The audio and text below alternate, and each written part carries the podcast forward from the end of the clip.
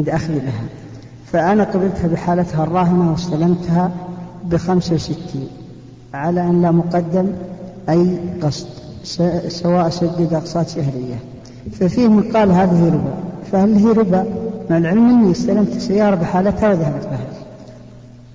نعم. هذا ليس بربا لأنك اشتريت السيارة. أليس كذلك؟ اشتريتها اشتريت السيارة قبلت بحالتها الراهنة. أقول ما ما, ما اشتريت دراهم هو اشتراها هو اشتراها ب 30000 اشتراها هو ب 30000 هو ما أدري كم بس هي في قيمتها الراهنة عند استلام لها تجيب الثلاثين. وأنا قبلتها بخمسة وستين ما مقدم ولا شيء. أي. وقبلتها بحالتها الراهنة. واستلمت السيارة. وامتلكتها هذه ليس فيها شيء وليس فيها ربا. بس قالوا إنها ربا لأنها دبلها عليك. بدل 30 طلعت فيها أكثر من النص. لأنه هذا اللي يناسبه هذا الذي يناسبه المهم أن هذه المسألة ما فيها ربا اطلاقا. الحمد لله. لكن ينبغي للإنسان إذا رأى أخاه مضطرا إلى شيء أن لا يزيد عليه بالثمن. هذه الزيادة الفاحشة. لأن الآن جعل المئة مئتين. أليس كذلك؟ نعم. الثلاثين خلاها خمسة وستين. جزاكم الله لكن إذا قبلت أنت ورضيت بهذا الشيء فلا حرج. جزاكم الله خير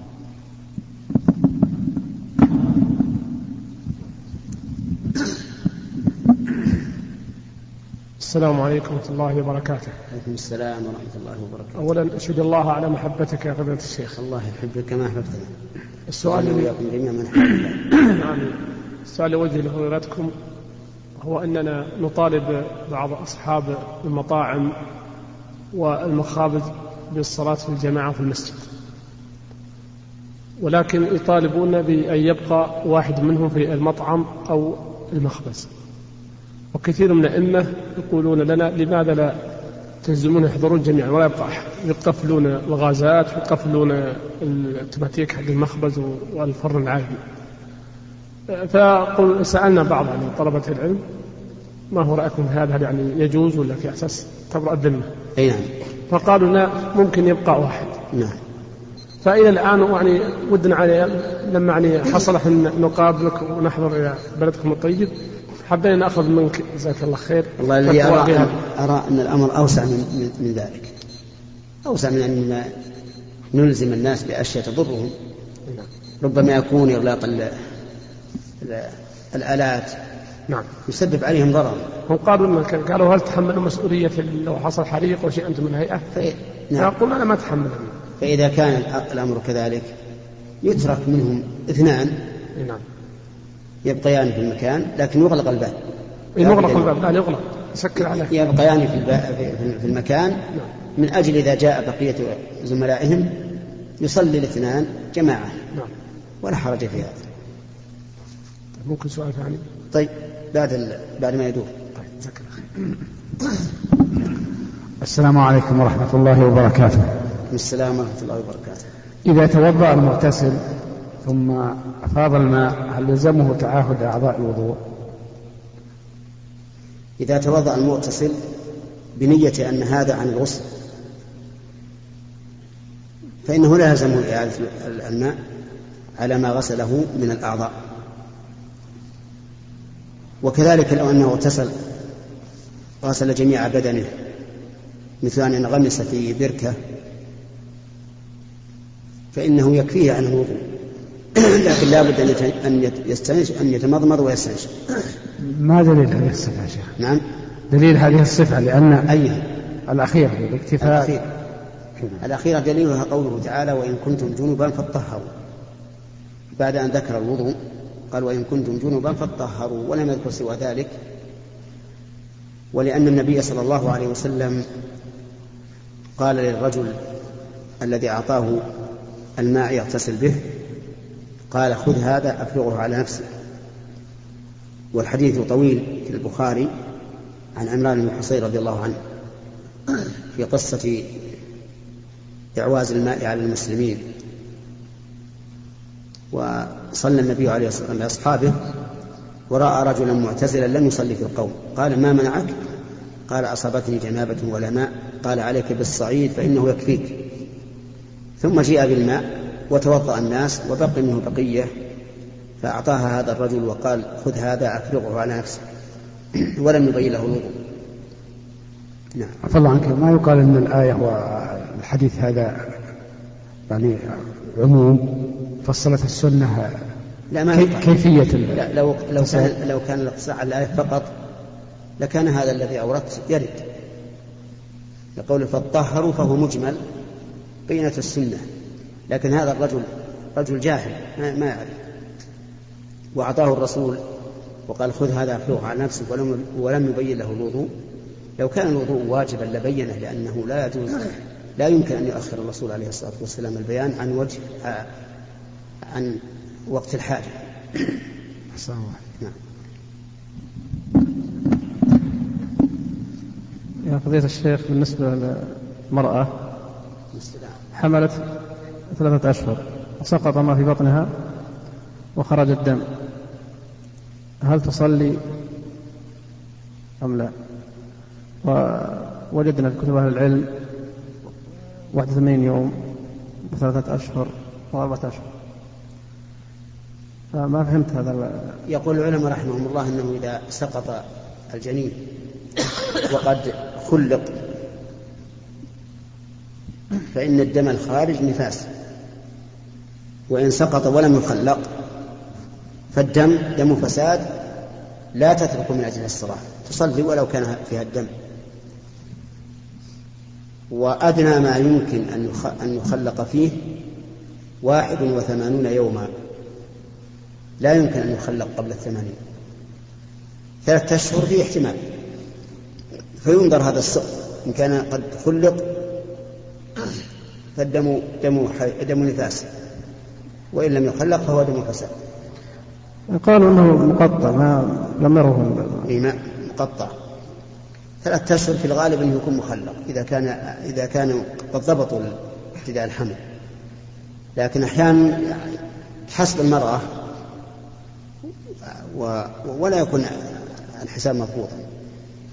نعم. السلام أحسن الله إليك يا شيخ. بالنسبة للهاتف الآن في بعض الإخوان يكون مثلا يبغى يسافر أو غيره فيريد أن ينقل الهاتف إلى شخص آخر مقابل مبلغ معين. يزيد على المبلغ الذي وضعته الدولة مقابل الخدمة الهاتفية. فهل هذا العمل جائز؟ هذا العمل جائز بشرط أن تأذن الدولة بذلك إذا قال أنا أريد أن أبيعه على شخص بربح. وقالوا لا بأس لا بأس. أما إذا إذا منعوا من هذا فإنه لا يجوز. سواء موظف عادي أو غير أو غير موظف. آه، السؤال هو آه، المسافر سواء طالت مدة إقامته أو قصرت هل الأفضل في حقه أن يؤدي السنن الرواتب أم يتركها باستثناء سنة الفجر؟ أولا يجب أن نعلم أن المسافر مطلوب منه. أن يتنفل بجميع النوافل ما عدا راتبة الظهر وراتبة المغرب وراتبة العشاء. ثلاث والباقي يفعل كل شيء. فإن قال أنا أحب أن أتطوع قبل الظهر وبعد الظهر وبعد المغرب وبعد العشاء قلنا لا مانع. تطوع لكن بغير النية الراتبة. بنية النفل المطلق. نعم. بالنسبة للشيخ طريق الرياض كما ترى يعني بعد كل 100 كيلو تقريبا في أماكن للمياه فلكن الإنسان دخل الوقت تيمم رغم أنه يعني بعد 100 كيلو يكون غالبا باستراحات فيها مياه. فهل يجزيه تيممه؟ إي نعم. إذا دخل الوقت على مسافر إيه؟ وليس عنده ماء. لا مسافر. نعم. مسافر من الرياض إذا دخل عليه الوقت وهو مسافر وليس عنده ماء فلا حرج أن يتيمم. لكن العلماء يقولون إذا كان يرجو وجود الماء في آخر الوقت فالأفضل أن يؤخر. الأفضل أن يؤخر. هنا. وهل يحمل الماء يا شيخ؟ يوزن بحمل الماء مثلا؟ من العلماء من قال يلزم بحمل الماء إذا لم يضره والآن ما يضر الواقع حمل الماء لأنه يمكن يحمل في جالون جالونين ولو في السيارة الصغيرة يعني لو رفض قال له أحد الأخوة خلنا ناخذ مع جنون قال لا ما يحتاج. لا ياخذ أحسن. أفضل بسم الله. فضيلة الشيخ إن الله عز وجل أقسم في مواطن كثيرة. إيش؟ إن الله عز وجل أقسم بالضحى. وفي سورة القيامة قال لا أقسم بيوم القيامة. فما هو وجه الفرق بين القسم يعني لا أقسم بيوم القيامة؟ نعم نفي القسم هنا و... أما أقسام الله تعالى بالضحى فقد أقسم بالضحى. وأقسم بالشمس وأقسم بالليل وأقسم بغيرها من المخلوقات.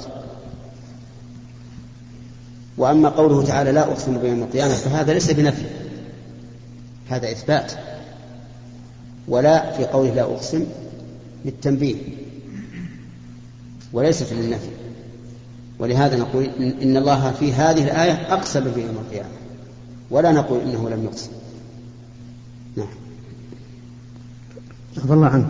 جزاك الله خير مرة في الدرس في تقرير الدرس من يخاف على نفسه من قصص الصحابة الصحابة رضي الله عنهم وأرضاهم آه، والفتن اللي جرى بينهم إنه لا, إنه لا يقراها وأنا وقريت مرة من المرات ما مضى على الحسين وأقسمت بكل جد إني لو لو كانت حضرته لنصرته. وش ترى هذا علي فيها خطية. أنا أرى كما سمعت. أن ما جرى بين الصحابة من المعارك والقتال لا يقرأه الإنسان إلا رجلا يأمن على نفسه من الحي مع أحد الصحابة. وذلك لأن التاريخ فيه تزوير في الواقع لا سيما ما يأتي من قبل من قبل الرافضة فإنهم في الحقيقة حرفوا التاريخ تحريفا عظيما وكذبوا على بني أمية كذبا فاحشا والعياذ بالله. والتاريخ المتوسط المعتدل كالبداية والنهاية من كثير. قد يخشى الإنسان على نفسه لا من الميل إلى واحد منهم الميل إلى واحد منهم لا بأس به لكن يخشى على نفسه من تضليل الآخرين وتخطئتهم وكراهتهم وعداوتهم. هذا هو المحذور. على كل حال كل إنسان حسيب نفسه. إذا خشي على نفسه الفتنة فترك ما يخشى منه الفتنة خير. نعم. فضيلة الشيخ في سؤال وجه إليكم عن تسمية للزوجة عم أو خال أو كذلك من الزوجة. وقلت لفضيلة الشيخ أنه ينبغي أن أن يسمى هؤلاء بأسمائهم الشرعية. نعم. وقد ورد في السنة حديث صححه أهل العلم قول النبي صلى الله عليه وسلم لرجل دخل دخل عليه النبي صلى الله عليه وسلم رجل كبير كبير السن وكان يحتضر وكان يحتضر. فقال له النبي صلى الله عليه وسلم يا خال قل لا إله إلا الله. وكذلك قول النبي صلى الله عليه وسلم لسعد بن وقاص هذا خالي. ومن المعلوم أنه ليس خال للنبي صلى الله عليه وسلم يعني من اخ أخ لأمه. فهذه التسمية يعني لكن الرسول صلى الله عليه وسلم كان مسترضعا في بني سعد فهم أخواله بالنسبة لسعد بن أبي وقاص رضي الله عنه. ثم إن هناك فرقا بين أن تخاطب شخصا حضر وتقول يا عم تفضل مثلا أو يا خال تفضل. وبين أن تضع هذه التسمية لهذا الشخص دائما. يعني لا بأس أن الإنسان مثلا يقول للكبير يا عم تفضل أو يا خال تفضل. هذا ما في بأس. لكن كونك تطلق اسم العم وصفا مستقرا على أبي الزوجة مثلا أو الخال على أبي الزوجة هذا هو الذي نقول إنه لا ينبغي بل آه، تذكر الأسماء الشرعية. واستدللنا, واستدللنا لذلك بأن النبي صلى الله عليه وآله وسلم نهى أن تسمى صلاة العشاء العتمة. وقال لا يغلبنكم الأعراب على تسمية على صلاتكم العشاء العتمة فإنهم يعتمون في الإبل وإنما الصلاة هي صلاة العشاء كما في كتاب الله عز وجل. هنا. صهر نعم نقول صهري فلان. لكن لا بأس إذا دخل أن نقول يا عم تفضل. ما في شيء. حتى لو أقول للإنسان بعد عني ما أعرف ولا يعرفني لكن قولي العم. العم فلان وما أشبه ذلك. هذا مو طيب. أم الزوجة كذلك ما تقول لك خالد هي خالد ها؟ طنط إيش؟ طنط. لا لعلها نسبة إلى طنطا ها؟ ست. أبو. إيه؟ الجدة يسمونها ست إيه؟ هذه هي الجدة الست يعني سيدة. هذه ما فيها شيء لأنها وصف عام. لكن عم هذه تنبي عن قرابة. لكن سيدة ما, ما, ما تنبي عن قرابة. سيدة لأنها امرأة كبيرة. العرف لا ينبغي أن يغير من أجل الشرع هنا شيخ قد واحد يفوته سنة الفجر. فهل الأولى أن يقضيها بعد الإشراق؟ أو كيف؟ قد يفوته سنة الفجر نعم. متى يقضيها؟ بعد الإشراق أو قبل الإشراق؟ إذا فاتت سنة الفجر يعني أتيت والناس يصلون وصليت معهم وأنت لم تصلي الراتبة فصلها بعد الصلاة ولا حرج. بعد الذكر بعد ما تذكر الله فصليها ولا حرج عليك. وإن شئت أخرها إلى النهار بعد أن ترتفع الشمس لدرجه ولكن هذا الأخير بشرط أن لا تخشى النسيان. فإن خشيت النسيان فصلها بعد بعد الصلاة أحسن. نعم. فضيلة الشيخ الكدرة يا شيخ التي تأتي قبل الدورة بيوم أو يومين هل هي عادة أم لا؟ الكدرة التي تأتي قبل الحيض بيوم أو يومين أو يومين ليست بعادة. لأن لحديث ابن عطية كنا لا نعد الصفرة والكدرة شيئا نعم طيب يا شيخ. لا سؤال واحد. يا شيخ من النساء والله؟ والنساء يا شيخ لهم أسبوع الآن يقولون إن دور الشيخ بزنا يرد التلفون اتصل بعد الظهر وفقك الله بس. إيه طيب يتصل. ما يتصلون؟ يتصلون يا شيخ ما يحصلون. لا يا ابدا ما هو صحيح. ابدا يا شيخ. أنا شخصيا يكون مشغول بس صحيح مشغول. ابدا يا شيخ يرد علي الجهاز. للنساء يا شيخ الله يحفظك. بعد الظهر يمكن قبل أحيانا أنسى الجهاز. ولا ولا ولا افتحه إلا إلى إلا إلى جلسه الظهر. هذا يا شيخ والله النساء. المهم إذا كان الاخوان يسمحون لك لا بأس. إن شاء الله يسمحون. ها؟ تسمحون؟ طيب. طيب يا شيخ الله يحفظك. هل يجوز وصل سنة الظهر أربع ركعات بسلام واحد؟ لا السنة في صلاة الليل وصلاة النهار أن تكون مثل مثل. أي نعم. يعني ما ما يصح لا مو ما يصح لكن السنة الأفضل. السنة. أن تسلم من كل ركعتين نعم. طيب يا شيخ. الوتر مستثنى الوتر ثلاث وخمس وسبع وتسع مستثنى. طيب يا شيخ حفظك الله. إذا طهرت المرأة هل يجب عليها الاغتسال مباشرة؟ أم تنتظر وقت الصلاة مع العلم أنها امرأة متزوجة؟ إذا طهرت المرأة إن كان في وقت الصلاة وجب عليها أن تغتسل لئلا يخرج وقت الصلاة قبل أن تصلي. وإن كان في غير وقت الصلاة كما لو طهرت بعد طلوع الشمس فلها أن تؤخر الغسل إلى أذان الظهر. طيب يا شيخ هل يجوز آه، يعني للإنسان أن يصلي سواء رجلا أم امرأة أن يصلي سنة الوضوء في وقت النهي مثل العصر؟ اي نعم. آه، صلاة صلاة سنة الوضوء في وقت النهي جائزة لأن القول الراجح أن جميع الصلوات ذوات الأسباب جائزة في وقت النهي مثل سنة الوضوء تحية المسجد سنة الطواف إعادة الجماعة إذا جئت والناس يصلون جماعة فالصحيح القاعدة العامة أن كل صلاة ذات سبب فإنها جائزة في وقت النهي. نعم. شيخ عفى الله عنك. ما رأيك في بعض قول بعض الناس إذا اراد أراد أن يخطب لشخص من شخص آخر يقول لولي المرأة إن فلان يطلب نسب الله ونسبه. رايي أن هذه الكلمة أن يقول الخاطب إن فلانا يطلب نسب الله ونسبه نقول إن هذه كلمة منكرة. لأن الله عز وجل لا نسب له. الله واحد أحد فرد صمد. وأيضا حتى قول نسبك هذه لغة عرفية. لأن النسب في اللغة العربية هم القرابة قال الله تعالى وهو الذي خلق من الماء بشرا فجعله نسبا وصهرا. النسب هم القرابة والصهر أقارب الزوجة نعم السلام عليكم ورحمة الله وبركاته. السلام ورحمة الله وبركاته. مثلا يا شيخ الحين فيه عادة عند أهل مرة أنه يقبل الشخص يعني خشم لخشم يسلم عليه، هل يجوز؟ لا بأس.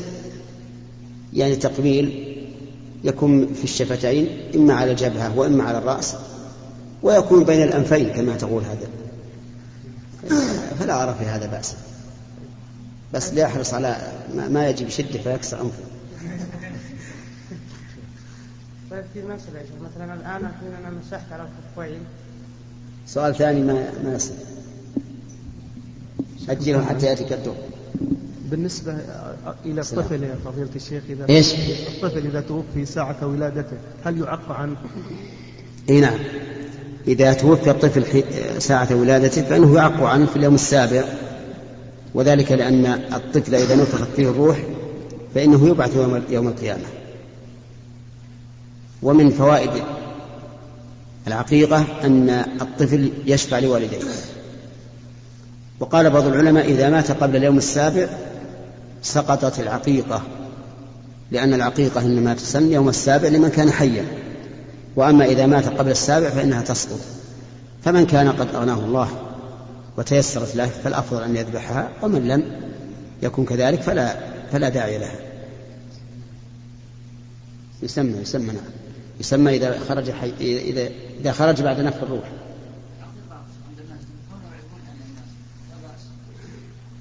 الظاهر تسودنا الجدار الآن ما ما في نظام. الأولى في العقيقة أنه إذا ذبحها يتصدق منها. يتصدق منها ويعزم عليها. يعني لا بد من الصدقة الصدقة لا بد منها ولو قليلا. وإذا عزم على البقية ما في بأس. نعم.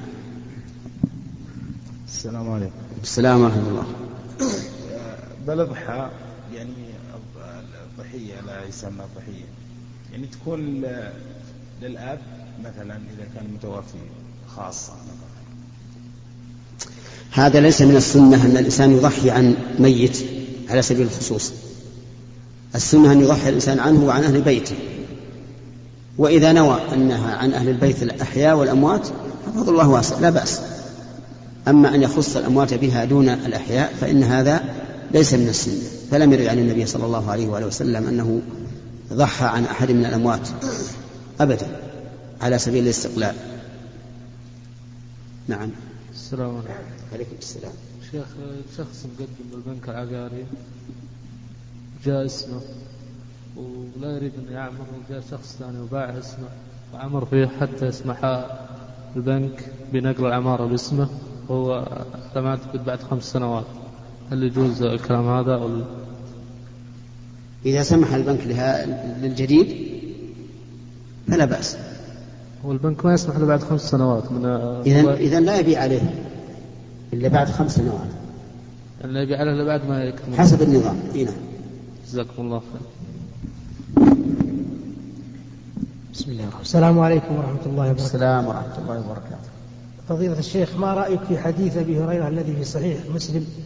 قول رسول الله صلى الله عليه وسلم بدأ الإسلام غريبا وسيعود غريبا فطوبى للغرباء. أو كما قال فضيلة الشيخ هل الغرباء الذي ذكرهم الرسول صلى الله عليه وسلم قد أتوا ومضوا أو أو هم أو هم الذي في وقتنا هذا في هذه في هذه الغربة والفتن أو إنهم لم يأتوا إلى الآن؟ جزاكم الله خيرا.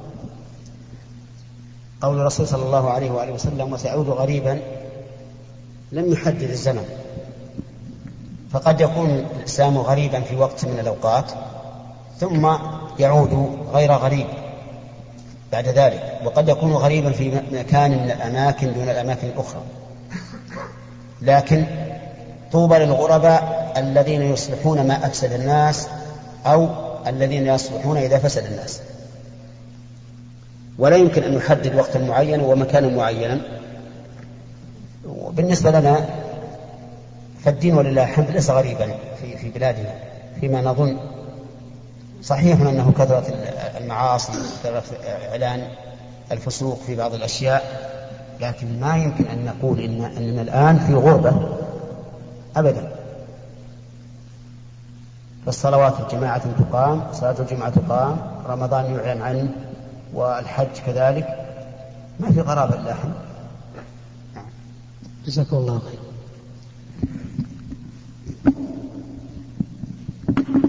بسم الله الرحمن السلام عليكم ورحمة الله وبركاته. سؤال يا شيخ في حديث يقول من هاجر أخيه المسلم ثلاثة أيام دخل النار. ما صح الحديث؟ من هاجر أخيه المسلم ثلاثة أيام أكثر من ثلاثة أيام من هاجره. هجره هجر من هجره دخل النار. والله الحديث بهذا اللفظ نعرف يعني لكن ثبت عن النبي عليه الصلاة والسلام أنه قال لا يحل للمؤمن أن يهجر أخاه فوق ثلاث يلتقيان فيعرض هذا ويعرض هذا وخيرهما الذي يبدأ بالسلام. الحديث هذا شيخ يعني ما مر عليه؟ لا. فهجر المؤمن حرام. حتى لو كان فاسقا عاصيا لا تهجره إلا إذا كان الفاسق أو العاصي يستفيد من الهجر. فيخجل ويتوب فلا بأس أن تهجره من أجل الإصلاح. هنا طيب سؤال ثاني يا سؤال ثاني بعد ما يجي في الدور. السلام عليكم. عليكم السلام. ما حكم البرقع إذا لم يتخذ للزين؟ هو إنما للستر ومع ذاك يوضع غطاء. الذي البرقع الذي للزينة ولكن تغطي المرأة وجهها نعم. هذا لا بأس به. لأنه لا يشاهد ستغطيه الغرفة التي فوقه. لكن البرقع اللي ما في الشيء لا نفتي بجوازه لأنه فتنة ولأن النساء لا يقتصرن على هذا لو كانت النساء تقتصر على فتحة العين لقلنا هذا النقاب وهو معروف في عهد الرسول صلى الله عليه وآله وسلم ولا بأس به. لكن ثق أنك إذا قلت اليوم أنه يجوز للمرأة أن تنقب بعينها وتنظر من وراء النقاب بعينها أنه بعد مدة قليلة سوف يكون هذا النقاب متسعا يتسع إلى الجبهة وإلى الخد ثم لا يزال يتضاءل المغطى من الوجه حتى يكشف كل الوجه. هذا هو المعروف من من عادة النساء. فسد الباب أقرب إلى الصواب. نعم. يا شيخ هل صحيح المؤمن إذا دخل القبر تأتيه حرية فيعني ينقطع عقدها فينظم هذا العقد حتى تقوم إيش؟ الساعة إيش؟ هل صحيح المؤمن إذا دخل القبر وسأله الملكان تأتي حرية فينقطع عقدها فين- فينظم العقد هو وهي حتى تقوم الساعة لا ما هو صحيح هذا ليس بصحيح الصحيح أن الإنسان إذا أدخل في قبره وسأله الملكان وأجاب بالصواب فسح له في قبره مد البصر وأتاه من من روح الجنة ونعيمها ويأتيه عمله الصالح في أحسن وجه ويبقى عنده. نعم. السلام عليكم ورحمة الله. السلام ورحمة الله. ما رأيك في أن بعض المزارعين يكون لديه قمح زائد عن اسمه؟ مثلا اسمه فيه 100 طن يكون عنده 150 طن. الخمسين هذه يدخلها باسم شخص آخر. وبعد مزارع. نعم. لكن عنده فائض بالشهادة. فبعد استلم المبلغ يسلم له صاحبه قيمة هذا المحصول الذي يعني معناها أنه آه، الزائد الخمسين يجعلها باسم شخص مزارع آخر. هنا المزارع الآخر سيضيف الخمسين إلى إلى زرعه؟ إلى زرعه. وبعد استلم المبلغ نعم. يسلم صاحب المبلغ حقه. إيه. الله الظاهر إنه ما يجوز لكن لو باع عليه بيعا فلا بأس. مثل هذا الأحسن انه يبيع عليه. من أجل أن يدخل باسم المزارع الثاني حقيقة وحكما. أما الآن إذا دخل باسم المزارع الثاني وهو للأول صار في كذب. نعم. فالأولى في مثل هذه الحال أن يقال لمن عنده الفائض بيعه على هذا الرجل. بيعه. إن شئت نقدا وإن شئت مؤجلا. إيه نعم. جزاك الله خير السلام. شيخ عندي بنت بالغة للزواج وجاء خيط ربعة لولدها بعدين حصل على ولده قضية يعني سجن ورفض وزال عليه أخوه يعني يمكن ثلاثة شهور وزعلان وماذا أسوي يا شيخ؟ هل إني أعطيه إياه؟ وأنا يعني ما رضيت ولا وشو؟ يجب أن تعلم بارك الله فيك أن بنتك ما هي ما هي مملوكة لك. بنتك حرة. ولا يجوز أن تخاطر بها فتزوجها هذا الذي صار عليه قضية. حتى لو غضب أخوك قل الله المرأة حي... البنت عيت خلها هي اللي تعين وهي أيضا يجب أن تعيي إذا كان إذا كان كانت هذه القضية تتعلق بالأخلاق. نعم. إذا لا, لا تزوجوه. وقل لأخيك إن البنت عيت ولا يمكن ولا يمكن أكرهها نعم السلام عليكم ورحمة الله وبركاته. إيه؟ لا لا لو علمت من قبل رحت وياك. لأن هذا مجلس عام والخاص مقدم الآن.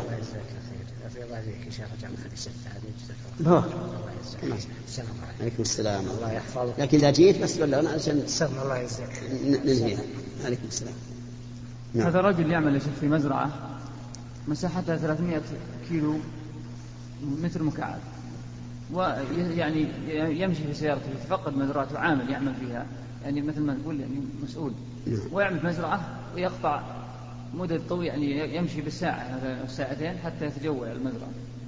فهل يعني لا بأس أن يقصر الصلاة أو يجمع أو يجمع؟ وهو في مزرعته؟ إيه هو عامل ليس ليست له هو بس يعني مثل ما تقول يمشي 100 كيلو 200 كيلو جميع ما يقدر. لكن لا لكن هذه المزرعة بعيدة عن عن البلد؟ إيه هي في البلد خارج البلد وسكناه في المزرعة ولا خارج المزرعة؟ لا هو يسكن في المزرعة ما ما يجوز. يعني يصلي الصلاة في وقتها إيه يصلي الصلاة في وقتها ويصلي أربع أربع ركعات. إي نعم. طيب ما يمشي مسافة قصيرة لأن هذه أفرض أن عندنا مثل بلد كبير. واسع كبير. مسافته مو مو مو بقصر أكثر وما دام في البلد ما يمكن يقصر المزرعة هذه مثل البلد. إيه ما يمكن يقصر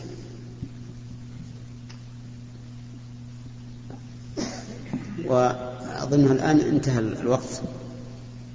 وإلى اللقاء القادم إن شاء الله. وبارك الله في الجميع ونفعنا وإياكم بما علمنا. وأبشركم أن من سلك طريقا يلتمس فيه علما سهل الله له به طريقا إلى الجنة. والسلام عليكم ورحمة الله وبركاته.